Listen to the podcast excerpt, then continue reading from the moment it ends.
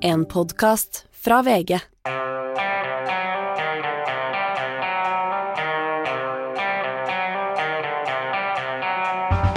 Ikke visste jeg at alle disse dagene som kom og gikk, de var selve uke 46. Det er eh, fredag, Black Friday til og med. Eh, det er en litt spesiell utgave av Giæver eh, og gjengen denne uka. Giæver og gjengen og kombinert mediebobler. Velkommen, Gard Steiro. Tusen takk skal du ha, Anders. Du er med oss på lenke fra, fra et eller annet sted utafor huset? Det er helt riktig. Eh, og eh, det, som du sier, i dag blir det en spesiell utgave av denne podkasten. Eh, jeg skal trekke meg tilbake, og så skal du bruke tid på å snakke med Harald Henden. En av, de, må si, en av de journalistene i Norge jeg har dypest respekt for. Han har brukt Jeg vil si han har viet livet sitt til journalistikken.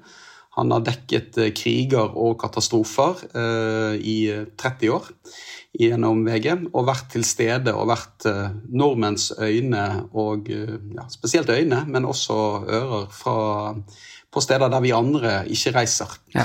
Og nå har han, kommet, har han, kommet, tilbake etter å ha vært i Israel, og med en um, historie han vil fortelle. Og den fortalte han da internt her i avisa i, i forrige uke. Altså denne uken har, han, har, vi snakket med ham for et, et, par dager siden. Det er viktig for meg å si at Harald Henden er en helt eksepsjonell journalist. Eh, og betyr eh, veldig mye for oss i VG. Ja. Han er altså da altså fotograf og den eneste fotografen, tror jeg, som har fått den store journalistprisen, og det, det sier jo litt bare det i seg selv. Eh, og eh, Harald Henden, velkommen hit. Takk. For en uke siden, altså i begynnelsen av november, så eh, var du på det møtet, og de fleste som kom på det møtet, trodde da du skulle fortelle om Eh, dine opplevelser, opplevelser, i forbindelse med at du ble sendt til Israel for å dekke uh, konflikten som har oppstått, og det gjorde du for så vidt, men du fortalte noe mye mer også. Uh, ja, jeg ble jo spurt om jeg kunne dra til Israel 7.10 om uh, morgenen av sjef for nyhetsavdelingen, Helle. Uh, og uh, jeg var jo klar uh, med en gang. Som men, vanlig. som vanlig. men jeg hadde, jeg hadde, en sykemelding som gikk ut to dager senere. for det, to uker tidligere så hadde jeg sklidd på badegulvet og kjørt ansiktet og hodet inn i kanten på oppvaskmaskinen. så jeg hadde jo gått med to solide blåveiser og fått en hjernerystelse. Så den sykemeldingen gikk ut først eh, mandagen. Så Helle var jo naturlig nok litt skeptisk til å sende meg, da. Men jeg sa vel egentlig til henne at ja, hvis du ikke sender meg, så får du en ny sykemelding pga. depresjon uh, denne gangen.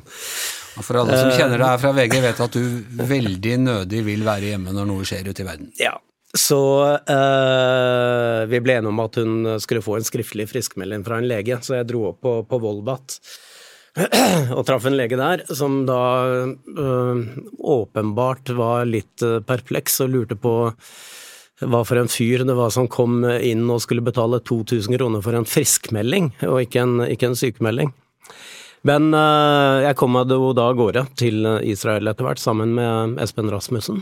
Og øh, øh følte meg, følte meg ålreit. Um, jeg hadde uh, hatt litt symptomer på at noe kanskje ikke var helt riktig.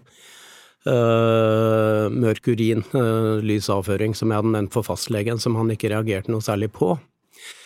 Men så har jeg jo en, en, en av mine nærmeste venner, Morten Rostrup, som er lege og professor på, på Ullevål. Og i Leger uten grenser? Og i Leger uten grenser, ikke minst.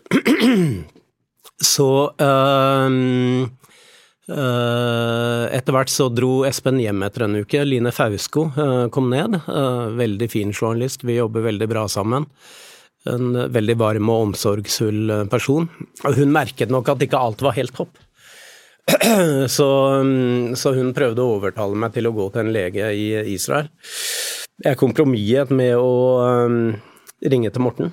Uh, han spurte om jeg begynte å bli gul på øynene. Det gjorde jeg ikke da, men jeg gjorde det et par dager senere. Så da ringte jeg opp igjen til, uh, til Morten. og han konfererte da med en annen lege på, på, samme avdeling som han arbeider, og de ble enige om å, å si at jeg burde komme meg hjem så fort som mulig. Jeg var fortsatt ikke helt klar for det, så jeg uh, gikk til en lege i Israel uh, dagen etter isteden. Han tok blodprøver som ikke kunne vise noe virus som uh, kunne forårsake det som da var en gullsott. og jeg hadde heller ikke store nok smerter til at det kunne være gallesten, så han mente at dette kunne være veldig alvorlig, og ba meg bare komme meg hjem. Så jeg fikk en flight hjem dagen etter. Det var jo litt vanskelig med flighter, og er det vel fortsatt ned til Israel, fordi alle europeiske flyselskaper har sluttet å fly.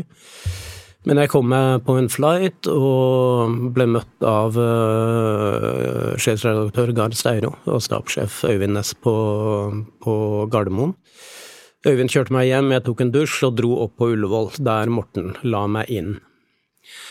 Uh, dagen etter så uh, ble det tatt uh, sete og noen timer senere så kom Jeg lå på isolata pga. Eh, at jeg hadde vært i kontakt med helsevesenet i utlandet.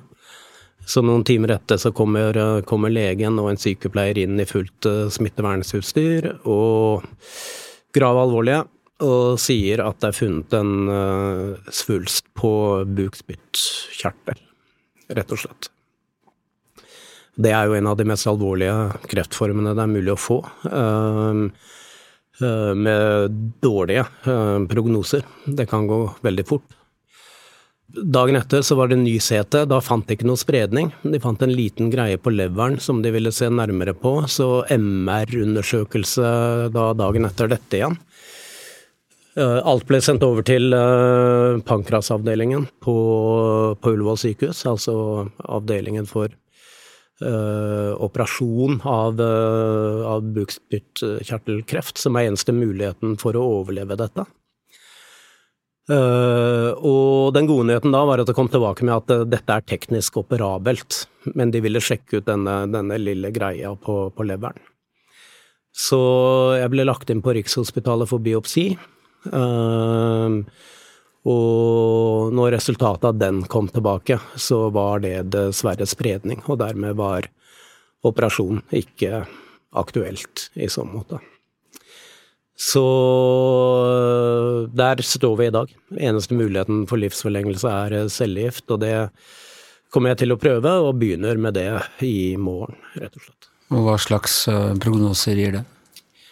Medianen i dette er Uh, seks måneder eh, hvis du ikke tar cellegift. Eh, med cellegift så kan det være en livsforlengelse. Igjen medianen på to til seks måneder lenger. Så utsiktene er jo relativt dårlige. Men det er jo individuelle forskjeller.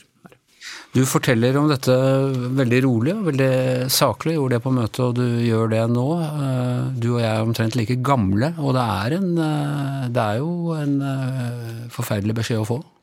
Jeg prøver å ikke grave meg ned i for mye grubling. Jeg har ikke googlet denne sykdommen så, så veldig mye. Men prøver å liksom ta, ta en dag av gangen nå. og så har jeg veldig, veldig bra folk rundt meg. Uh, igjen spesielt Morten, Morten Rostrup, som stiller opp på, på, alle mulige måter, og også en del andre nære venner som, uh, som er der. Så uh, foreløpig sånn mentalt har jeg det ålreit. Og i tillegg så har de satt inn et stend som gjør at gallegangen blir åpnet igjen. Der svulsten lå, eller lå og ligger og presser på, slik at jeg Eh, etter hvert har blitt bedre av eh, gulsotten. Sånn at allmenntilstanden nå er jo nesten bedre enn da jeg var i Israel foreløpig. Og så har jo du altså jobbet i VG i eh, over 30 år. Og du har jobbet veldig mye med, med, krig og katastrofe. Du har sett mer brutal og dramatisk død enn de fleste av oss. Har det liksom påvirket ditt forhold til, til døden? Ja, altså du har jo for så vidt rett i det. At jeg har, har nok uh, sett uh, mer enn de fleste i den sammenhengen. Uh, både døde og døende mennesker forårsaket av både konflikter og naturkatastrofer. Alt fra spedbarn på, på, åtte måneder til, til, mye eldre mennesker. Så på den måten har jeg for så vidt et, et naturlig forhold til døden. Og Uh, sånn med min tro eller manglende tro, uh, så tror jo jeg at når du er død, så vet du ikke at du er død. Du vet ikke hva du går glipp av. jeg tror det er som før du ble født. Ingenting. Og det samme tror jeg om, om døden. Det er, det er ingenting der i etterkant. Så det jeg har sett og opplevd opp igjennom, gjør nok kanskje at jeg har et et litt annet perspektiv på dette enn det, enn det mange andre har. Uh, verden er jo urettferdig, det er flaks eller uflaks. Uh, akkurat denne gangen har jeg hatt veldig uflaks, men det, det har jeg sett så uendelig mange andre ute i verden som, som, har hatt også. Og som har forlatt livet på et veldig mye tidligere tidspunkt enn det jeg eventuelt kommer til å gjøre. Eh, du har jo eh, Altså, du har vært fotograf lenge, men du var helt fra ungdommen av Kjørte du med ambulanse som relativt eh, ung? Ja, det, jeg var medlem av Røde Kors hjelpekorps ja. i Bergen. Og der hjelpekorpset hadde det som den gang het tolvteambulanse som var med å avlaste de ordinære ambulansene på, på ettermiddag og, og kveld eh, annenhver uke. Noen timer hver dag annenhver annen uke. Uh, så jeg, jeg, hadde jo solid uh, førstehjelpsopplæring uh, den gangen. Med, ikke som i dag, der du er en, en solid utdannelse som paramedic. Men, eh, men, jeg var med, med, på det den gangen, ja. Mm. Og så har du, du har jobba tett med, du nevnte Morten Rastrup, men med Leger uten grenser og med nødhjelpsarbeidere. Og, mm. Var dette noen gang et slags type valg for deg, om du skulle gå inn i på en måte medisin og nødhjelp, eller øh, pressefotografi? Nei, altså dette var jo veldig tidlig i 20-årene, uh, når jeg var med i Røde Kors hjelpekorps på den tiden jeg så smått begynte å fotografere. Eh, jeg begynte mest å fotografere fordi jeg drev mye med klatring og, og fjellskiløping eh, den gangen. Når er vi nå omtrent sånn i ja, Nå er vi helt i begynnelsen av 80-tallet. Ja. Mm. Jeg var såpass aktiv i hjelpekorpset at, at jeg, jeg, kunne nok kanskje ha tenkt meg å studere medisin. Men det, det, var liksom aldri noe option uh, den gangen. Uh, jeg hadde ikke karakterer fra, fra gymnaset til, til, å komme inn på studiet. Og for så vidt ikke økonomi til å ta opp igjen karakterer. Og den gangen så var det ikke noe option å dra til utlandet og, og studere medisin, sånn som Polen og Øst-Europa, eller tidligere Øst-Europa nå. Så det, det, det ble, ble, liksom ikke noe av. og etter hvert så begynte jeg å jobbe litt for Studvest. Der de studentavisen, andre, studentavisen i Bergen. Ja. Der eh, jeg rett og slett ble ren, ren fotograf. For det, de andre var eh, stinkende dårlige til å ta bilder.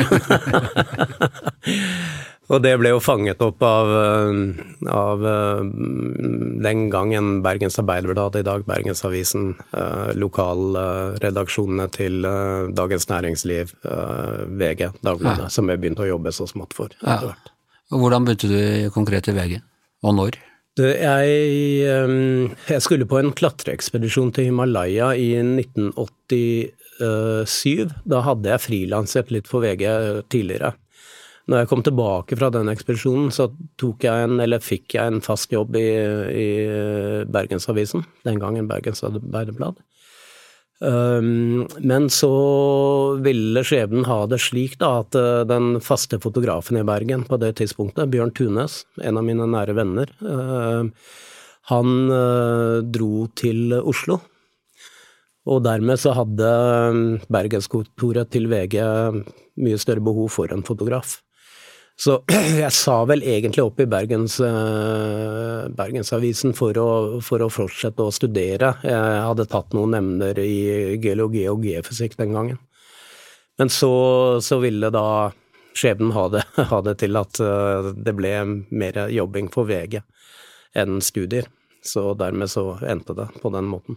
Så vet jo alle som har jobba seg inn i VG at man må jobbe med litt av hvert. Man kan ikke, særlig ikke i begynnelsen, velge på øverste hylle. Så jeg går ut fra at du har gjort din porsjon av kjendisjobber og, og sånne ting også? Det har jeg, eh, absolutt. Både kjendiser og, og, og, litt sport. Jeg husker blant annet at eh, jeg tror det var den gangen vi begynte med søndagsavis, så skulle man ha et stort fotodokument eh, nesten hver søndag.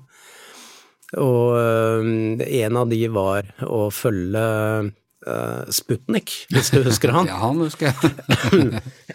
på hans turné på kjøpesenteret over hele landet. Så det er jo en av de kjendisjobbene jeg husker fortsatt, ja. for å si det sånn. Han var en litt spesiell kjendis, det må man kunne si. Det må man absolutt kunne, kunne si, men, men uh, trivelig kar og, og en uh, artig jobb også på den, på den tiden.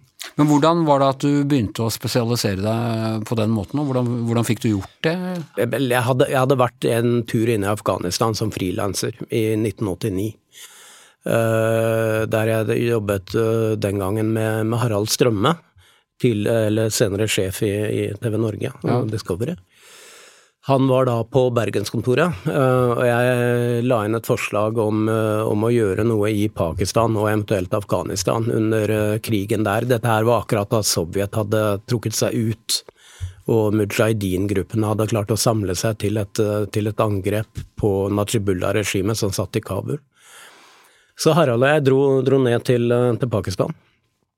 og gjorde diverse relaterte reportasjer der. Uh, og det var første gangen jeg hadde kontakt med Leger uten grenser. Uh, så Harald fikk ikke lov av VG, som er, er forsiktige, til å dra, dra, med inn, men jeg dro, dro da inn med, med, Leger uten grenser på en, på en uh, dagstur uh, gjennom uh, Var det fordi du hadde sånn litt medisinsk bakgrunn og sånn, eller var det Nei, det var rett og slett fordi de tok med, de tok med journalister, ja. rett og slett. Det ble ikke all verden ut av den turen, må jeg ærlig innrømme. Men det var første gangen jeg var i et konfliktområde. Men så kom jo invasjonen av Kuwait, som Irak gjorde i 1990. Uh, og da hadde den VG første, første den, den, første invasjonen, ja. Mm. Uh, og da, da, hadde jo VG folk liggende i Jordan, uh, der f.eks. alle asiatiske fremmedarbeidere og alt kom ut fra, fra Irak. Gjennom en ganske lang periode. jeg var ikke førstevalget. jeg var vel nummer tre av fotografer som ble sendt ned dit. Men jeg ble jo værende. Uh, altså, det var uh, uh, Jeg ba ikke om å komme, komme, hjem igjen etter to uker. dette var i 1991? Dette, nei, dette var 1990. Ja. invasjonen var, ja. var, i 1990. Ja, for det var om sommeren. Ja. og så, da, da alt tydet på at det ville bli et angrep fra en koalisjon for å kaste irakerne ut av Kuwait, så var det snakk om å sende et team til Saudi-Arabia. Uh, og da ble jeg spurt, um, og dro sammen med, med kollega Sverre Bjørnholt ned. Og vi ble liggende i Bahrain uh, en god del uker før, før vi fikk visum til Saudi-Arabia. Men uh, da, da, ble vi borte i, i nesten tre måneder den gangen. og det var liksom noe jeg følte jeg mestret bra. Og når du mestrer noe, så gjør vel det kanskje at du trives med det også. Og jeg tror VG øh, eh, syntes det var ålreit å ikke måtte drive logistikk for å bytte fotograf hele tiden også. Uh, så, så, det var slik det startet, da, med den type konflikter. Og et, rett etter den, uh, også i 1991, så gikk jo tidligere Jugoslavia i oppløsning. Så jeg dekket konflikten der det samme sommer, eh, i Slovenia, deretter Kroatia. Litt i, eh, i eh, Bosnia. Og innimellom også reiser til Vest-Afrika og Somalia, diverse andre steder. Uh, og så kom jo Kosovo-konflikten på slutten av, av 90-tallet. Uh, eh, så det gikk, det gikk nesten i ett med, med, konflikter og katastrofer fra Fra begynnelsen av 90-tallet, rett og slett. Har du oversikt over hvor mange land du har vært i? Nei, det, nei, det er noen som teller. ja, nei, det er, men det er, eh, det, er, eh, det, er, godt over 100, ja. i hvert fall. Så er du altså den i, i VG som uh, antagelig kan mest om uh, sikkerhet i uh, krig- og, og katastrofeområder. Jeg husker Vi har vært på én sånn jobb sammen, og det var Haiti og jordskjelvet i 2010. og Der kom jeg, jeg hadde aldri vært på noe sånt, og var sendt fra Eh, fra New York, og det var veldig bra når du og, og Per Olav Ødegaard kom ned. og da ikke bare hadde du da sikkerhetsvurderinger som var relativt nyttige for oss, men og nå skjønner jeg jo at det er fordi du også har studert geologi, men jeg husker at jeg var imponert over hvor mye du kunne om jordskjelv. ja, nei, det, jeg, hadde, jeg hadde en Jeg tok en emnegruppe i geofysikk, i den ja. faste jordfysikk. Ja som, eh, som er en, en, gren innen geofysikken. Uh, ellers har det jo geomagnetisme, meteorologi hører til det samme. Så du kunne ha sittet på et eller annet kontor et eller annet sted og, ja, analysert jordskjelvet på jeg, jeg, jeg, kom nok aldri så langt, uh, rett og slett. Dette var bare en emne, emnegruppe. Men, men, den gikk jo akkurat på jordskjelv, uh, den, den, emnegruppen der, med overflatebølger og POS-bølger og, og det, det hele. Så det satt jo, litt av kunnskapen satt jo i fortsatt. Også, men uh, sikkerhetsvurderinger og sånn til tross, og kanskje også på grunn av, du har altså opplevd veldig, veldig uh, alvorlige ting. Du ble skutt i uh, Ramallah for 20 år siden, noe mer? Mm. det var vel i 2001, under, under valget i Israel. Den gangen så var det uh, Dette var egentlig begynnelsen på den andre intifadaen. Uh, så det var liksom to steder du visste at det ville bli bråk etter fredagsbønnen klokken ett. Og det var Ramallah, og det var Hebron. Og akkurat den dagen i Ramallah var litt ekstra brutal i forhold til hvordan det hadde vært tidligere. Uh, så det var jo det vanlige med, med steinkasting, og israelerne svarer da med med disse små uh, gummikledde stålkulene. Enten en sylinder eller en rund ball. Uh, og de er dødelige hvis du får det i hodet på en avstand av 50 meter. Ja, for det var folk som ble drept av det? Ja, det var, jeg fotograferte flere som ble drept av de kulene. Og det var ekstra betalt da, og plutselig braser to pansrede israelere jeeper gjennom de palestinske barrikadene stopper og begynner å rygge tilbake. Og ut hopper en soldat og skyter i den retningen der jeg står og fotograferer en skadet palestiner i veikanten.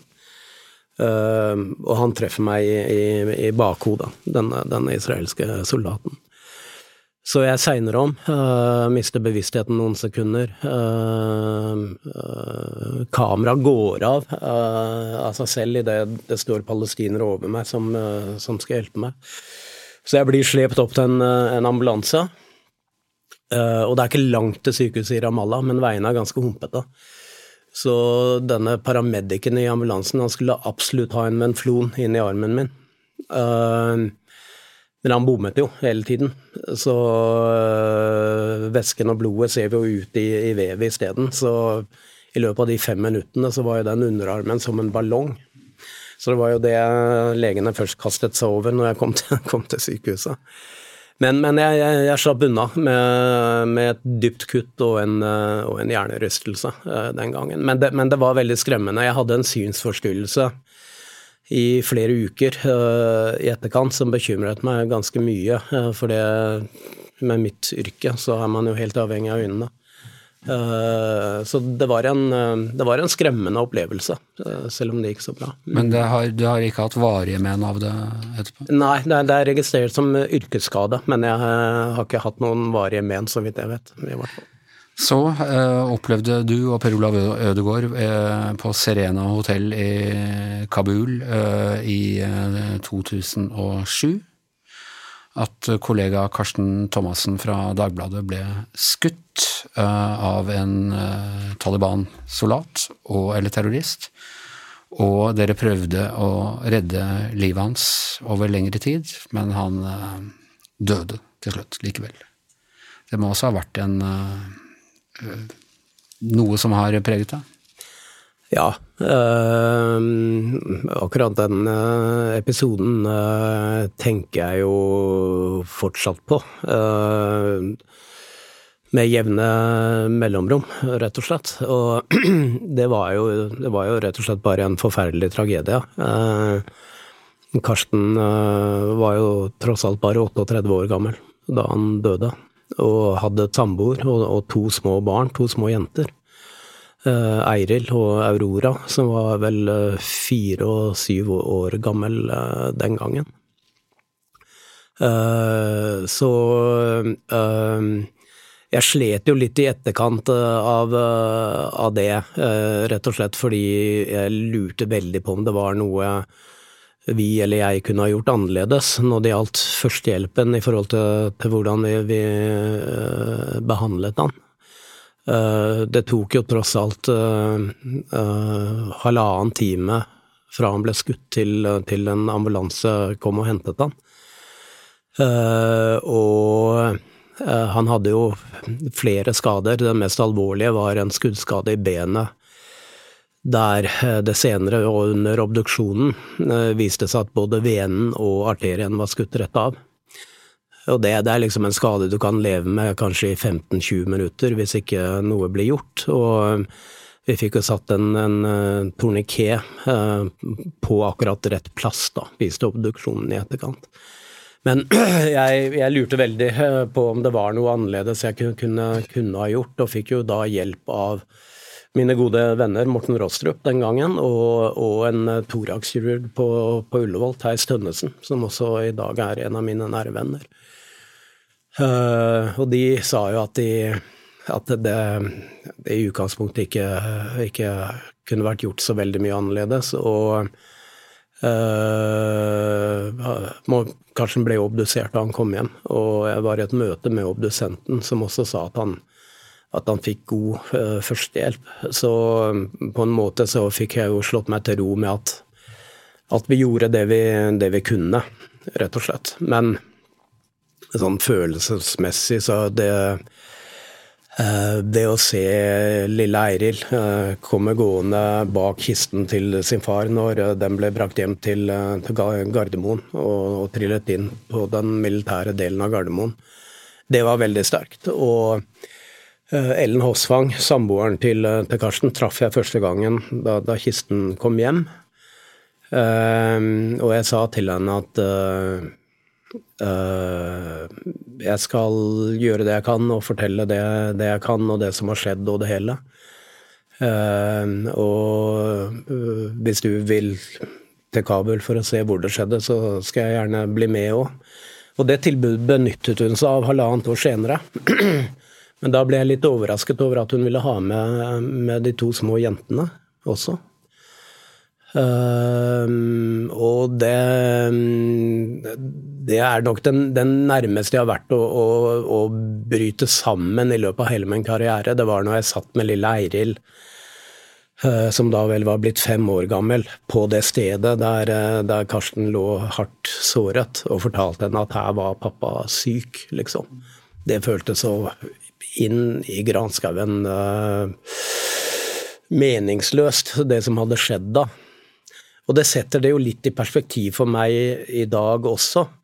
Jeg er enslig, jeg har ikke barn. Uh, uh, det, er, det, er, ikke så mange som kommer til å, til, å, til å, savne meg eller sørge så mye over meg som det. Jo, men, men, ikke på samme måte som når du har samboer og to små jenter, og, og, og går bort i en alder av, av 38 år. Rett og slett. Eh, nå er det jo sånn at bare vi har vært i, i eh, ytterkanten av noe litt alvorlig, så jeg tror alle som var på bygget 22.07, var i debrief og sånn. Da du starta med det, var ikke det vanlig? Nei, det var det ikke. I den første krigen i Gulfen så hadde vi vel ikke engang hjelm og skuddsikre vester, eh, rett og slett. Men det har jo forandret seg, seg, veldig. Både debrief og det med en viss sikkerhetsopplæring. Nå dessverre avdøde Tom Bakkeli, som var journalist i VG, og jeg var vel de første som dro på, på et sikkerhetskurs i eh, England, som ble holdt av tidligere SAS-soldater. Uh, dette må ha vært i 97 eller 98. Og når vi gikk til, til ledelsen her da, eh, redaktør Teddy, Teddy Madsen den gangen, så sa han at eh, ok, dere skal få lov til å dra, VG skal betale det, men dere må, dere må bruke ferien deres til det, rett og slett. Men, men, eh, alt det forandret seg jo først og fremst radikalt etter, eh, etter Serene Hotell. Og i dag så får jo i hvert fall ingen i VG, uh, ingen journalister i VG, lov til å dra ut til sånne områder, hvis ikke de har en, en sikkerhetsopplæring. Uh, du har vært da i eh, Israel og Palestina veldig, veldig mange ganger. Jeg vet ikke om du har oversikt over hvor mange ganger du har vært der? Nei, det vet jeg ikke. Det er den konflikten jeg har dekket hyppigst siden, uh, siden relativt tidlig på 90-tallet. Så jeg husker ikke helt hvor mange ganger jeg har vært der. Jeg, har du sett Under Fire med Nick Nolte? Det har jeg. Ja, den, er... den, eh, og jeg har ikke bare sett den én gang, Nei, jeg har sett den mange ganger. Ja, ja. For jeg har sett den tre, så jeg vil tro at du hadde kanskje sett den enda mer? Jeg har sett den enda flere ganger, absolutt. og det er altså fra, fra et tenkt land, tror jeg, i Sør-Amerika? Nei, det, nei, det, det, det, nei, er realistisk Nicaragua. Ja, stemmer det. Den er vel lagt til 79, tror jeg, når sandinistene tok over. Ja. Og han er da en sånn litt macho pressefotograf, og, han sier sånn uh, litt patosfylt at I don't take stands, I take pictures. Eh, og så ender det selvfølgelig med at han uh, involverer seg. Og har, har du slitt med det, eller har du noe ideal der om at du bare skal observere og videreformidle, eller eh, Nei. tar du et standpunkt i de konfliktene du dekker? Altså, jeg, jeg kan jo den filmen utenat, så jeg, så jeg husker, jo, husker, jo, scenen. Han ja. sitter i en fengselscelle sammen med en, med en, eh, med en prest som spør uh, What side are you on? Uh, og da sier han dette med I don't take sides, I take pictures. Og det er jo klart at det er idealet. Uh, og uh, som journalist og fotograf så tilstreber jeg hele tiden å være uh, upartisk og nøytral i det jeg gjør. Men min egen oppfatning av konflikten, den holder jeg for meg selv i den sammenhengen. Så utad så tar jeg overhodet ikke noe, noen, noen uh, side. Jeg, jeg, forholder meg nøytral og upartisk og dokumenterer det som skjer, rett og slett. Uh, men innad, inni meg selv, så kan jo saken være en helt annen, uten at noen får vite det. Og så er du altså du er vel en av de, eller du er vel den eneste uh, fotografen som har blitt kåret til årets journalist. Eh, og du har en veldig eh, menneskelighet i bildene dine. Det er alltid de sivile i eh, front. Og hvordan Altså, du er jo kunstner. Hvordan utviklet du ditt altså Når inngangen var mye mer sånn praktisk og teknisk, hvordan utviklet du liksom ditt kunstneriske blikk? Nå er jeg ikke enig i at jeg er en kunstner. Altså, jeg er en, en håndverker som har jobbet hardt for å komme, komme dit jeg dit jeg kom. Men det visuelle er ganske distinkt ja, hos deg? Sånn. Ja, men det, det, er, det, er, likevel bare Det er likevel hardt arbeid. Det fins veldig mange fotografer her, også her hjemme, som er, er, mer talentfulle enn meg, som har et helt annet og, og unikt blikk i, i, i, forhold til det jeg har. Jeg har jobbet hardt, og så har jeg vært litt sånn med bra timing på, på rett sted til rett tid. Uh, og så skal man huske det at uh, i mange av disse konfliktene og katastrofene så er mesteparten av jobben rent logistisk. Det, det, det gjelder liksom å, å, komme seg dit in the first place, og, og deretter uh, ta bilder. Men de bildene ligger helt opp i dagen når du er der, for det dramatikken, dramatikken skjer rett, rett foran deg. Eh, så det skal ikke så veldig mye til for så vidt sånn rent fotografisk å ta et effektivt bilde i de situasjonene, så lenge du klarer å kontrollere dine egne følelser i konflikter, kontrollere frykten, uh, som må brukes til noe positivt, uh, og ikke gjøre det handlingslammende, f.eks. Og så gjelder det da å få sendt dette bildet hjem uh, på en eller annen måte, slik at det kan komme på trykk. Det har blitt lettere i din tid i pressen? Det er blitt mye, mye lettere uh, etter hvert. Det, det, det, det, er ingen tvil om. Så, så uh, igjen, det er nok mer, mer Eh, hardt arbeid, og det at jeg har fått lov av VG til å, til å, være til stede alle de stedene jeg har vært til stede. Men så har du også da vunnet uh, årets eh, bilder også i, i internasjonale uh, konkurranser. og jeg bare lurer, altså Det rent visuelle, du, er du opptatt av kunst f.eks.? For, mm, for du har jo utviklet en egen, kall det håndverk eller kunst, men ja, en ja, egen da. distinkt visuell stil? da. Ja, jeg er ikke så veldig opptatt av kunst generelt sett. Men jeg har jo en, en, en stor samling uh, fotobøker, mm. så jeg, jeg, har vært veldig opptatt av uh, dokumentarfotografi, også, også, historisk litt lengre tid tilbake. Helt fra Eugene Smith og, og historien mm. opp igjennom. Og, og studert det uh, andre fotografer har gjort. Så på den måten så, så har jeg vært opptatt av det. Men men uh, kunst mer generelt har ikke vært et av mine hovedinteressefelt, for å være helt ærlig. Jeg skjønner. Eh, du har vært mye i Gaza, og nå slipper nesten eh, ingen inn der. Hva gjør det med vår forståelse av hva som foregår der? Det er eh, Vi har jo for så vidt hatt den situasjonen noen ganger tidligere. Eh, det var jo ganske hyppige kriger mellom eh, Hamas og, Israel. Bl.a. blant annet i 2008-2009, rundt nyttårsskiftet der. Da gikk også israelerne inn på, på bakken og delte Gazastripen i, i, to. Så det var ikke mulig å komme seg fra, fra nord til sør. Men, men, ikke noe i nærheten av, av det vi ser uh, i dag. Den gangen så var det jo faktisk uh, Mats Gilbert og, og, Erik Fosse som var leger på Shifa-hospitalet. Uh, Shifa-hospitalet som er det største hospitalet i Gaza, og som i dag uh, er i uh, en, en, forferdelig situasjon på, på alle måter. Eh, de var jo stemmene utad internasjonalt på alle de store eh, nyhetskanalene, CNN, BBC, eh, hele, hele, hele biten. Men så har du hele tiden hatt veldig gode stringere eller, eller frilansere med kontrakter med de store nettverkene og nyhetsbyråene som, som, gjør en kjempejobb. Og mange av de er veldig, veldig flinke, også, også rent fotografisk. Og de har jo gjort en, en utrolig jobb denne gangen med å dokumentere konflikten, så lenge det ikke er noen internasjonale journalister inne i det hele tatt. Og de, de Mange av de har jo blitt drept uh, allerede uh, også.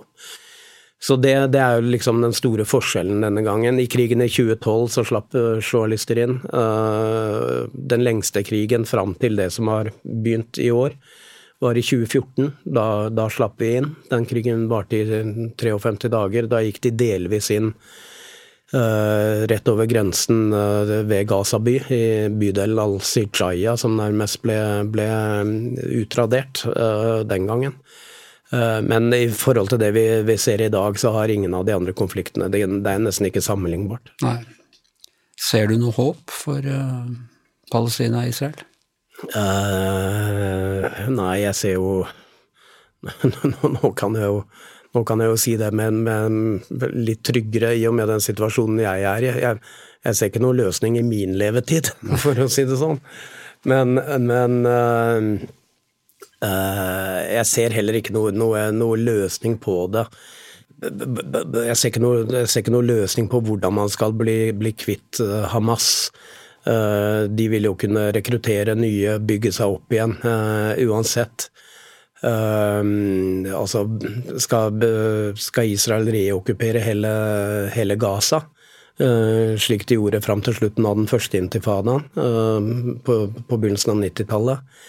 Det det er vanskelig å se en løsning, rett og slett. Av alle de jobbene du har gjort, hvilke er det du husker klarest?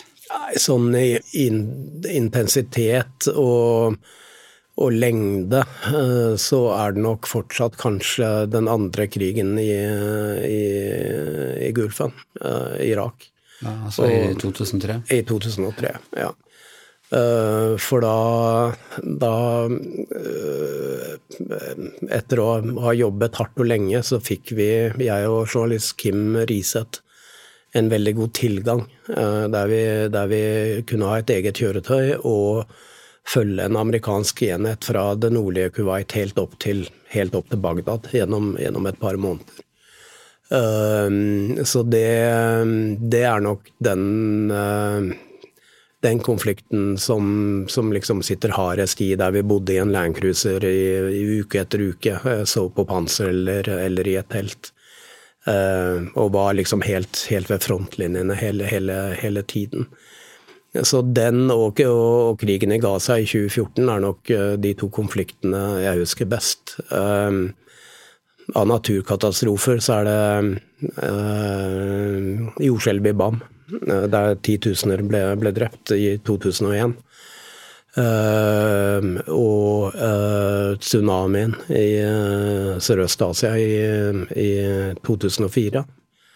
Uh, og som du nevnte, der du selv var, Anders, på jordskjelvet i, i, Haiti. Og mm. jordskjelvet i Haiti hadde liksom noen Altså det var jo utrolig mange drept. Uh, eh, 250 000? Ja, noe godt over 200 i hvert fall. Jeg skulle til å si 220, men det kan godt hende at det var 250. De vet jo ikke helt. Nei, ikke sant. Men det var jo et land uten, uh, uten noe lov og orden allerede da det jordskjelvet skjedde. Det var jo FN som mer eller mindre drev landet. Uh, og så, så, hadde du da slumområdet i Soleil City, uh, i utkanten av, av Port-au-Prince, der grupper og gjenger kom inn i byen og, og, og plyndret uh, i tillegg.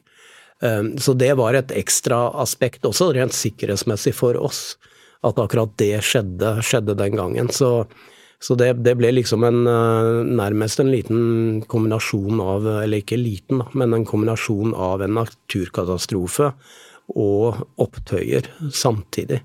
Som gjorde at, at den, den, situasjonen var veldig spesiell den gangen. Jeg husker vi kom jo ned et par dager eh, før dere, og jeg var, jeg var ikke trent for det. Vi dro nå rundt og lagde reportasjer, og da jeg så deg og Per Olav ved flyplassen i Port-au-Prince. Da følte jeg sivilisasjonen er på plass. jo, takk for det. ok, Harald. Tusen takk for at du tok deg tid eh, til dette. Det er eh, en ære å jobbe sammen med deg. Tusen takk. Og med det så er Giæver og gjengen over for denne uka. Tusen takk til Gard Steiro, tusen takk til Harald Henden. Jeg heter Anders Giæver, og vår produsent var Magne Antonsen. Du har hørt en podkast fra VG. Ansvarlig redaktør, Gard Steiro.